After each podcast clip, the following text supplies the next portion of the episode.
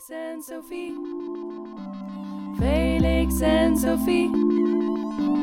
Felix en Sophie.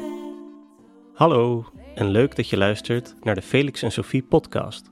Met deze keer de editie van november getiteld Opnieuw denken over de witte man.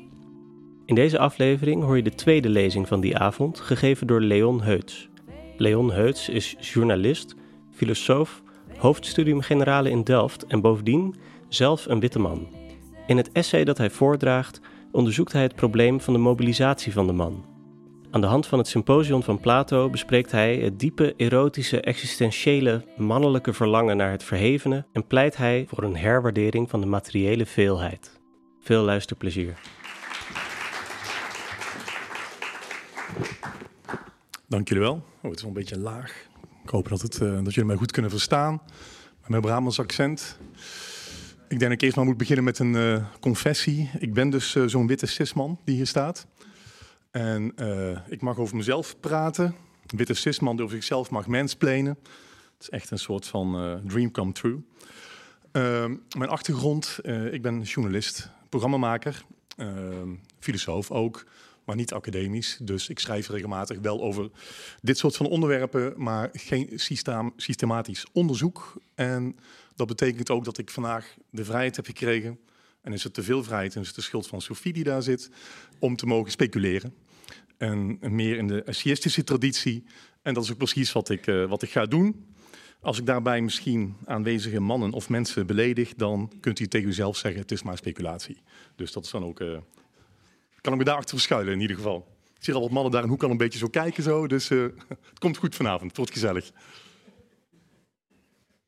Ehm, ik wil eerst beginnen met een eh, constatering. En sorry voor de gruwelijke beelden. Dat sinds het uitbreken van de oorlog in Oekraïne, naar schatting zo'n 150 tot 200.000 militairen om het leven zijn gekomen. Daarnaast zijn er heel veel burgerdoden natuurlijk die te betreuren zijn, maar ik wil eventjes daarop richten vanavond. En hoeveel, hoewel er veel moedige Oekraïense vrouwen vechten aan het front en ongetwijfeld ook zijn omgekomen, kunnen we ervan uitgaan dat het leeuwendeel van die gesneuvelde mannen, eh, van die gesneuvelde mensen, mannen zijn. Eh, witte mannen. En ik onderschrijf beslist dat wij nog altijd te maken hebben met een problematisch, dan wel giftig patriarchaal systeem. En er zijn weliswaar hoopgevende ontwikkelingen van inclusie, decolonisatie, emancipatie. Maar mijns inziens het lompe, agressieve en seksistische verzet daartegen laat zien hoe giftig het systeem in feite nog steeds is. Maar in deze voordracht wil ik me richten op één aspect van die giftige cultuur, namelijk de mobilisatie van de man of het mannelijke lichaam. En hoe kan het zover komen dat vele tienduizenden mannen de dood vinden en kunnen we daar iets van leren?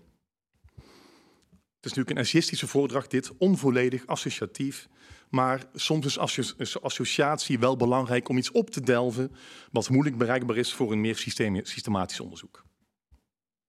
En ik wil om te beginnen in mijn speculatie terugkeren naar een klassieke tekst. Pak eerst deze. ehm, uit de Griekse cultuur. En ik wil niet te veel toeschrijven aan die tekst. Ik wil natuurlijk niet zeggen, bij deze tekst ging het fout. En dat zou ook wel getuigen van een ongezonde pretentie. Een beetje macho eigenlijk. Maar ik denk wel dat de tekst iets tekenends laat zien van een patriarchale structuur die op de dag van vandaag doorwerkt. En in die zin zou ik de tekst symbolisch willen noemen. En ik doel daarbij op de symposium van Plato. Het symposium, ongetwijfeld bij meerdere van u bekend, misschien wel allemaal, handelt over een situatie die in de duizenden jaren daarna in talloze kroegen, sportarenas, etc. is herhaald. Namelijk het handelt over dronken mannen die praten over seks. Het gaat dus in wezen over een erotische tekst. En dat is voor deze voordracht essentieel. Het is weliswaar een definitie van eros die veel breder is dan we nu hanteren. Namelijk verlangen en begeerte in meer algemene zin. Namelijk verlangen niet alleen naar seks, maar ook naar schoonheid of wijsheid. Maar toch valt er veel voor te zeggen om dat erotisch te noemen. Want het zegt iets over de existentiële inzet. Het gaat over een verlangen of een begeerte die ons ten diepste aangaat en die moet worden geblust. Het is daarom denk ik ook vanwege deze erotische lading, die dus diep in onze ziel snijdt, dat dit soort van onderwerpen ook zo beladen zijn. Het gaat over meer dan alleen een rationeel betoog. Het gaat over wie we zijn, waarnaar we verlangen. Een diepe existentiële inzet die er eigenlijk mee gepaard gaat. Goed, nadat in symposium, u weet het allemaal, diverse verhandelingen over Eros de revue zijn gepasseerd, komt de belangrijkste protagonist van Plato aan het woord, Socrates, die, eigenlijk zoals in alle teksten van Plato, de heren even uitlegt hoe het echt zit. Socrates vertelt hoe de priesteres of filosoof Diotima, een vrouw, en dat is niet onbelangrijk, ik kom er later nog op terug, hem heeft ingewijd in de geheimen van Eros. En dat is geen schunnig verhaal over diverse sekstechnieken. Diotima leert Socrates namelijk dat de geestelijke liefde belangrijker is dan de lichamelijke. En we spreken ook nu nog steeds van een platoonse liefde. En ze onderbouwt het op twee manieren. Ten eerste zegt ze dat mensen boven alles het onsterfelijke lief hebben, ook zoals wij hier zitten. We voelen de dood waarschijnlijk aan onze ruggenmerg knagen, zoals we hier zitten, ook door de kou vanavond. Maar we hebben het onsterfelijke lief. Wij armzalige gevangenen in een lichaam dat langzaam uiteenvalt, streven naar iets dat de tand destijds overstijgt. En de vraag is hoe we dat doen. En Diotima stelt een manier voor. Namelijk om een vrouw te bevruchten en kinderen te krijgen. Dit was voor MeToo. Het idee dat vrouwen ook zelf iets te zeggen zouden hebben over een zwangerschap was nog niet echt eh, doorgedrongen. Maar behalve kinderen krijgen, stelt Diotima dat er een andere optie is. Een optie die is, zo zegt ze letterlijk, veel subtieler en grootser is. Namelijk de ziel zwanger laten worden. En dat wil zeggen, eeuwige concepten als inzicht, begrip en deugdzaamheid geboren laten worden. En ook de kinderen die we krijgen zijn immers, zoals alles wat krioelt hier in het ondermaanse, over, overgeleverd aan verval en dood. Maar de stelling van Pythagoras of de wetten van Solon zorgen pas echt voor onsterfelijke roem. Die zijn namelijk voor de eeuwigheid. En ten tweede vertelt ze Socrates, terug in dit plaatje, naar wat later zo mooi de liefdesladder wordt genoemd. De echte minnaar richt zich niet naar de schoonheid van één lichaam, maar beklimt een ladder van toenemende abstractie. Via lichamelijke schoonheid gaat de minnaar, u ziet het hier in dit plaatje, eh, naar de schoonheid van wetten en stabiele instituties. Naar de schoonheid van kennis zelf, zoals een wetenschap of een mathematica. En zelfs tot een punt waarop hij de eeuwige en universele schoonheid op zichzelf aanschouwt. Een schoonheid die op zichzelf, zichzelf, waarachtig en genoeg is, onbewogen, zonder verval, ontrokken aan alle categorieën die het leven, uh, die het, leven het ondermaanse verdeelt. Dat wil zeggen, ontrokken aan categorieën als leven en dood, groot of klein, of mooi of lelijk. En we herkennen hier natuurlijk de oproep van Plato om de wereld van de materie, waarin alles onderhevig is aan zowel verval als verdeeldheid, te verlaten en de wereld van de ijdels, de ideeën, ofwel de eeuwige vormen, te omarmen. En dit is ook geen fysieke reis. Toegang tot de ideeën is slechts weggelegd voor de ziel. Het is een wereld van een hogere abstractie, waarin de verschillende materiële dingen samenkomen tot een eenheid. Een eenheid van begrip, van inzicht en schoonheid. Denk aan een theorie waarmee we een veelheid aan verschijnselen kunnen verklaren, of een nieuwe algemene vormtaal die een kunstenaar ontwikkelt. En uiteindelijk, als het meest abstracte, is er een diepste inzicht, de idee van het goede, de grondslag van alle verschijnselen, waar alle verschillen samenkomen tot een verblindend wit licht. De subspecie aternitatis, zoals later Spinoza dat zou noemen, in het licht der eeuwigheid. En we zien hier overigens een geweldig schilderij van de Finse schilder Akseli Galen Kalela, getiteld Symposion, waarin hij zichzelf en enkele andere bevriende Finse kunstenaars, zoals Sibelius, de beroemde componist, portretteert tijdens een drinkgelag. En je ziet ook de vleugels van de phoenix, hier zo net zo, verschijnen. De Sphinx, waarschijnlijk een vrouwenfiguur die materie voorstelt. En de Sphinx is uiteraard, u kent dat uit de Griekse mythologie, een raadsel dat moet worden opgelost. De materie, het vrouwelijke, moet worden opgelost of worden overwonnen. Want het mogen duidelijk zijn dat in de westerse geschiedenis deze beweging van de veelheid van de materie en de organische voortplanting naar meer algemene ideeën en de zwangere ziel vooral toegeschreven is aan mannen. Mannen die immers, zoals Aristoteles beschrijft, beschikken over een actief intellect. Het vermogen tot begrip en abstractie. Dus bijvoorbeeld waar vrouwen ook heus wel de stelling van Pythagoras kunnen toepassen, zo slim zijn ze nog net wel. Het echt begrijpen ervan, waar het op slaat, dat is aan mannen niet, of aan vrouwen niet gegeven. Sorry vrouwen, dat, uh, het is lang geleden dat dit zo gezegd is. Um, het gaat hier om wetenschappers, maar evengoed om staatsmannen, kunstenaars, militairen, zakenmannen. Aan hen wordt de gift van de transcendentie toegeschreven. De mogelijkheid om het hier en nu, het ontstaan en het geval van materie, te overstijgen. Uit te staan, transcendent, letterlijk uitklimmen naar de wereld en zelfs het universum. To boldly go where no man has gone before, zoals we dat kennen uit de Star Trek-serie. En deze mannen hebben de gave een eenheid in de veelheid van de verschijnselen te ontwaren. En ze zijn daarin ook vernieuwers. Misschien soms onbegrepen door tijdgenoten, maar dat is alleen maar een pre. Hè, met uh, Jeff Bezos. You have to be willing to misunderstood if you're going to innovate. Nou, dat is de mannelijke geest bij uitstek, zou ik willen zeggen. Je moet onbegrepen zijn door tijdgenoten om naar iets nieuws te zoeken. Een nieuwe vorm, waaronder meerdere verschijnselen kunnen worden geschaard. Een theorema, wat in oorspronkelijk Grieks zoveel betekent als een visie of een speculatie, of een nieuwe staatsvorm, of een nieuwe artistieke vorm, of een wereldwijd opererende multinational, of een start-up die iets begrijpt uit de markt, etc. En het is ook belangrijk om op te merken dat deze opgang van materie naar ziel wordt omschreven als een verlichting. Het licht is een belangrijke metafoor hier. Het idee van het goede is een licht, een zon, helder, abstract, wit. En het donkere is daarmee iets wat verlicht moet worden. En we zouden tegenwoordig misschien zeggen gekoloniseerd. En zie hier dan ook het bepalende narratief van de witte man. Een narratief die tot de dag van vandaag, zij het ongetwijfeld veel meer subtiel dan in vroegere tijden, nog steeds dwingend is. En we moeten ons realiseren dat het verhaal dus sterk erotisch geladen is. Het is niet zozeer een richtlijn of een opdracht, maar het is ten diepste een verlangen dat bevrediging eist. Een ontdekking, een overname, een bezit, een verovering, etc. De overname van Twitter door Elon Musk is misschien zakelijk interessant, ik weet het niet, maar het is vooral een vorm van zelfbevrediging. En we zien deze erotisering ook heel sterk in oorlog. Neem bijvoorbeeld het beeld van de man die afscheid neemt van zijn vrouw en kinderen om naar het front te gaan. Het is een plaatje van alle tijden en helaas ook weer van deze tijd. En mijn stelling is dat zo'n plaatje ons ook sterk erotisch raakt. In de betekenis dat het een verlangen uitbeeldt. Het verlangen van de vrouw naar de oikos, het huishouden, de biologische taken. En het verlangen van de man naar grotere zaken, het front, de staat, etc. Waarom is dit nu essentieel? En we kunnen hier even de metafysische bespiegelingen laten en de psychologie betreden. Ook enigszins uh, speculatief, dat geef ik toe. In de psychoanalyse zou de overgang van de veelvuldigheid van materie naar de, naar de eenheid van idee of vorm een narcistische structuur worden genoemd.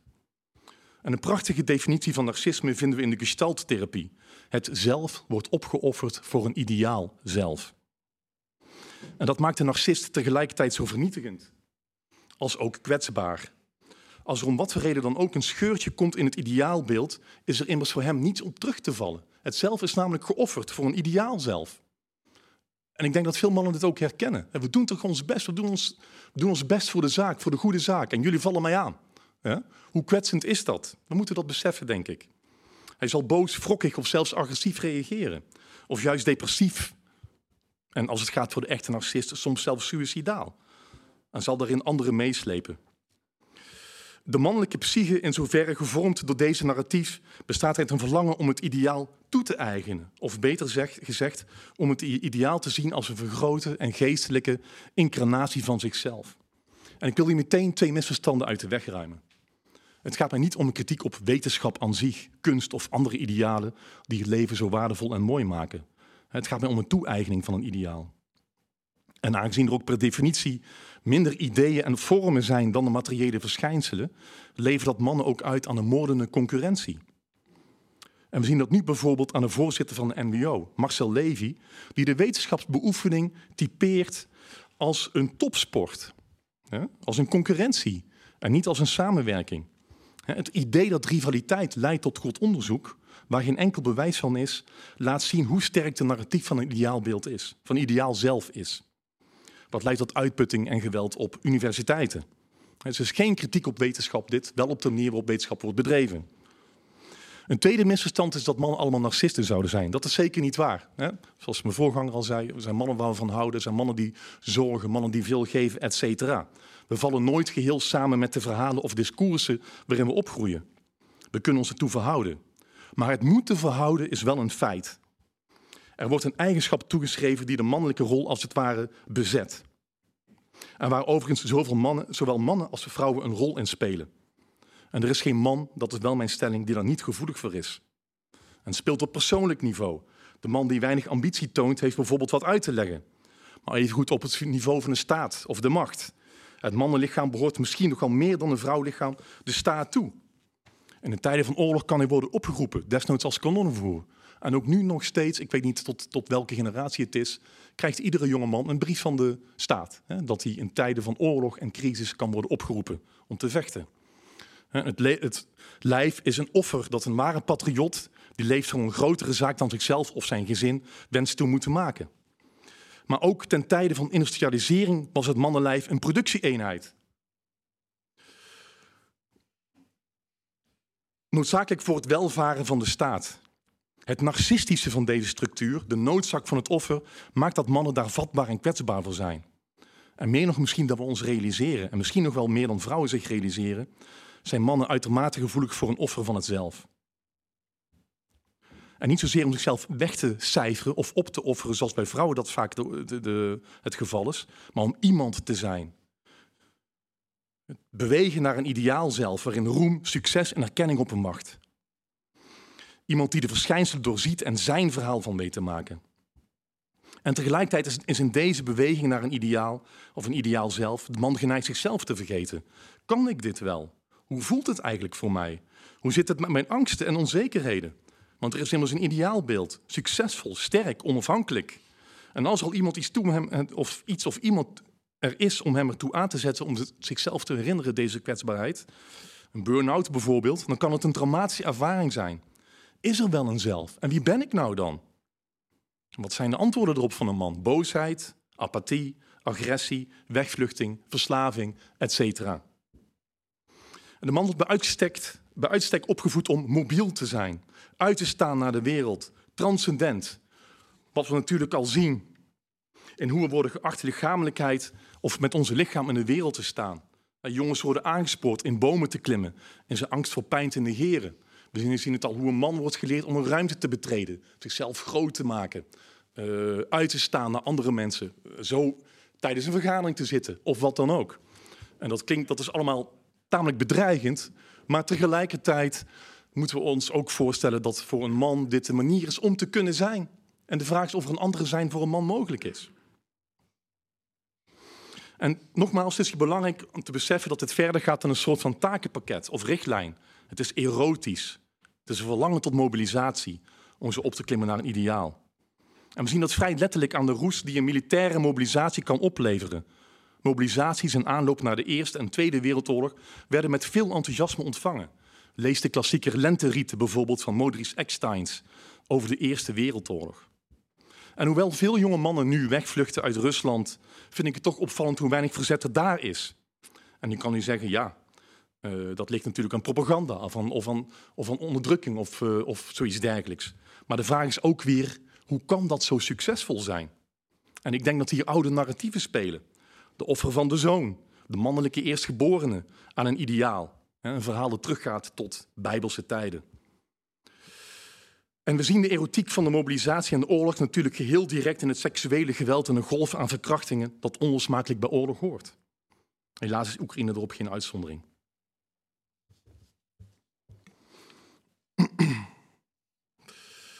um, Even kijken, ben ik een beetje de met mijn papiertjes. Maar goed. De vraag is natuurlijk welke tactieken we kunnen hanteren om uit deze narcistische structuur te komen. En ik wil daarbij nogmaals benadrukken dat het mij niet gaat om een ontmanteling van de idealen aan zich. Wetenschap en kunst zijn grote verworvenheden. Waar het mij om gaat is ontmanteling van die narcistische structuur. Een splitsing tussen zelf en ideaal zelf, zoals psychotherapeuten zeggen. Die splitsing is gewelddadig. Voor het zelf, maar ook voor anderen die zuchten onder het geweld dat met de begeerte naar een ideaal zelf gepaard gaat. En ik zou willen pleiten voor een demobilisering, een herwaardering van de materiële veelheid. En er hoort ook een disclaimer bij. Want we leven niet juist in een tijd waarin het materiële bijzonder wordt gewaardeerd. Niet alleen geld en bezit, maar ook lichamelijkheid is zeer belangrijk. Kijk naar het belang van de gezondheid en een strak lichaam. We zouden kunnen zeggen dat met de dood van God idealen sowieso niet meer zijn wat ze waren. Het transcendent is iets wat verbleekt. Er zijn geen grote verhalen meer. Mensen verlangen sowieso niet meer naar onsterfelijkheid. Alles moet juist hier en nu gebeuren. Carrière, succes, roem, schoonheid, orgastische seks, etc. Maar ik zou eerder zeggen dat de idee, de ideale vorm waar Plato het over heeft, zich bij gebrek aan grote verhalen in het lichaam en het leven heeft teruggetrokken. Nog steeds geldt de eenheid boven de veelheid, maar zien, nu zien we dat terug in de eis van een perfecte lichaam, het perfecte leven. De mobilisering is daadwerkelijk geïncarneerd, in het vlees gebrand. En het is interessant om te zien wat dit betekent voor een mannenlichaam. En waar het vrouwenlichaam natuurlijk al lang tot object is gemaakt, maar in zekere zin nog gekoppeld aan biologische functies en vruchtbaarheid, daar is het ideale mannelijke lichaam steeds meer dat van een feilloze robot, ripped, gespierd op een manier die zonder chemische middelen niet meer haalbaar is. Maar wat ook opvalt, alle lichamen zijn hetzelfde. Of dat nu een actiefilm van Marvel is of een romantische komedie. Het mannelijke lichaam is voortdurend gemobiliseerd. De man wordt steeds geleerd dat vlees moet worden overwonnen. En we zien het ook aan de erectie. We moeten het over hebben, mannen, sorry. De gedachte dat hij een keer niet omhoog komt is ondraaglijk. En Verjager heeft ook de impliciete boodschap dat er hoe dan ook geneukt moet worden. En uiteraard ook dat er klaargekomen moet worden. Het vlees moet in die zin worden overwonnen, ook het eigen vlees.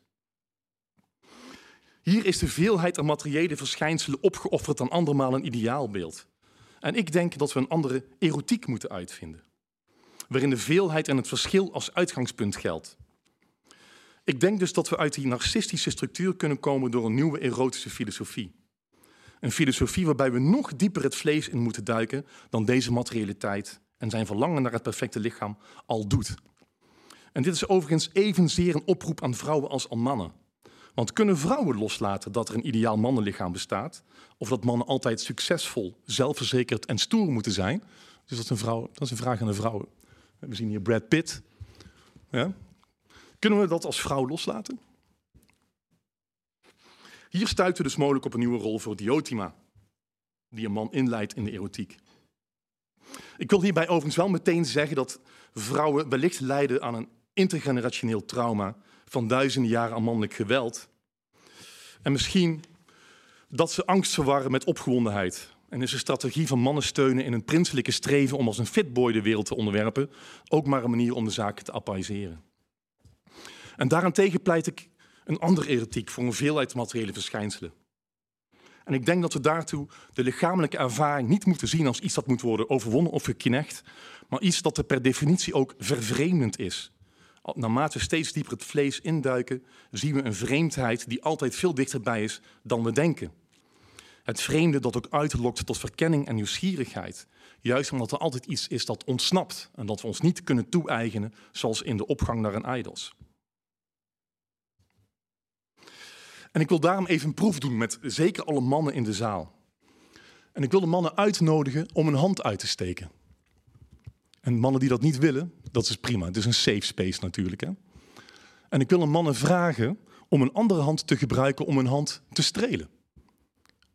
Streel je eigen hand eens. En doe je ogen dicht en probeer eens voor jezelf te voelen wat je nou eigenlijk precies voelt. Als een stuk materie wat niet moet worden overwonnen, maar als iets wat interessant is en wat boeiend, wat fascinerend is. Alle kleine plooien, de poriën die je misschien een beetje voelt, uh, de pezen, et. Materie, mannen, dit is materie, je eigen materie. En het is interessant om te zien dat vreemdheid in die zin al begint bij jezelf. En later misschien, als je ergens in de week in bed ligt en je hebt zin om jezelf te bevredigen, ook dat moeten we even noemen, zie je het dan niet als een poging om een orgasme te bereiken. Maar probeer daar eens naar te kijken van wat doe ik nou eigenlijk? En wat voel ik? Wat voel ik nou aan mijn eigen mannelijke lichaam? En het valt op hoe, hoe moeilijk mannen het daarmee hebben. Ik heb het niet over de vrouwen, maar over de mannen eventjes. Hè? Om zich niet te richten op een doel. En doe dat vervolgens ook bij je partner. En vergeet de macho-nonsens van overwinnen. Alleen denk aan het eigen gerief om haar eens te laten zien wie de grootste minnaar van het land is. Of zoals mijn vrienden in kroegen wel eens opscheppen over het feit dat ze de grootste befkoning van het land zijn. Laat dat eens rusten. En vergeet ook die romantische shit over samensmelting, waarbij de ultieme seks een gezamenlijk orgasme zou zijn. En zie dat lijf eens een keer als een andere lijf. Dat daarom, omdat het anders is en tegelijkertijd zo dichtbij, zo fascinerend is om te ontdekken. En deze verhouding tot de ander is in mijn gevoel geen splitsing, zoals tussen zelf en een ideaal zelf. Het is eerder een resonantie, een afstemmen, terugstemmen, kwijtraken, terugvinden, etc., die hier en nu om aandacht vraagt en nieuwsgierig maakt. Het gaat hier, zoals Heidegger zou zeggen, om een voortdurend ontbergen en verbergen, een potentie zonder doel. En deze erotiek overigens is verwant aan Oosterse erotiek, zoals we ze terugvinden in de tantrische filosofie. De kunst is om ons niet de opwinding te laten meevoeren naar het verlangen te worden verlost, maar de opwinding steeds weer terugvoeren in het lichaam, dieper in het vlees in, bijvoorbeeld diverse massage- en aanhalingstechnieken. Deze viering van het verschil, waarbij het onbekende juist bemind maakt, de resonantie en de aandacht voor wat hier en nu gebeurt, kun je even goed trainen in het dagelijkse leven. In omgang met vrienden en collega's, in discussies of alledaagse keuvel, in omgang met de natuur of samenleving. En ik heb werkelijk zelf geen enkel idee wat deze erotische filosofie verder zou opleveren. En ik pretendeer ook niet dat het een einde zou maken aan oorlogen. Tot slot, als laatste, ik wil twee bijzondere kwaliteiten van Plato benoemen. Het eerste, misschien wel het meest belangrijke, is dat, mens, dat Plato de mensen ziet als atopisch. De mens is altijd buiten zichzelf. Maar bij Plato is dat het begin van een reis, van een opklimming van een abstractie. En het verschil daarmee met de erotiek die ik voorstel, is dat waar Plato hier die reis naar buiten begint, een terra incognita, bij, volgens mij deze erotiek juist een reis naar binnen begint, naar het vlees en het hier en nu. Het vreemde dat ons kleeft, als in zich ontbergen en terugtrekkende. Wat het meest nabij is, is al het meest vreemd, zoals Levinas bijvoorbeeld stelt. En dit is ook een constatering die we terugvinden in hedendaagse ecofeminisme of in queer theory. En het tweede is dat de teksten van Plato oproepen tot een ontwaken. De huidige situatie is geen gegeven, slechts een status quo. Er is een andere blik op de werkelijkheid mogelijk. En ik sta hier voor jullie als een witte cisman. En ik ben me ervan ook bewust dat aan mij een verhaal kleeft dat duister is. Een verhaal van geweld, onderdrukking, seksisme, toe-eigening, narcisme. En ik ga zo maar even door. En toch hoop ik dat er zoiets kan zijn als een ontwaken. Niet als een nieuw groot verhaal. Eerder zou ik, terug, zou ik willen voorstellen terug te keren naar waar het menselijke leven begint. De streling, de aanraking, de aandacht en de verrukking die daarop volgen. Dit was het. Dank jullie wel.